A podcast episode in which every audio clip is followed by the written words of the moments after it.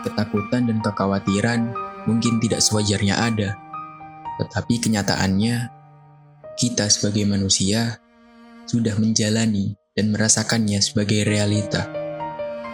Banyak yang bilang kehidupan di sekolah, kuliah, sampai nanti besar kita kerja dan punya keluarga adalah salah satu bagian besar dalam mengejar kesuksesan. Namun, bagaimana dengan seorang yang putus sekolah atau yang tidak punya biaya untuk memenuhi kebutuhan hidupnya?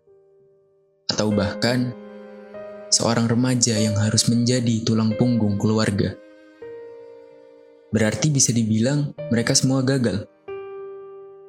Tidak, kenyataannya enggak. Setiap orang punya jalurnya sendiri-sendiri.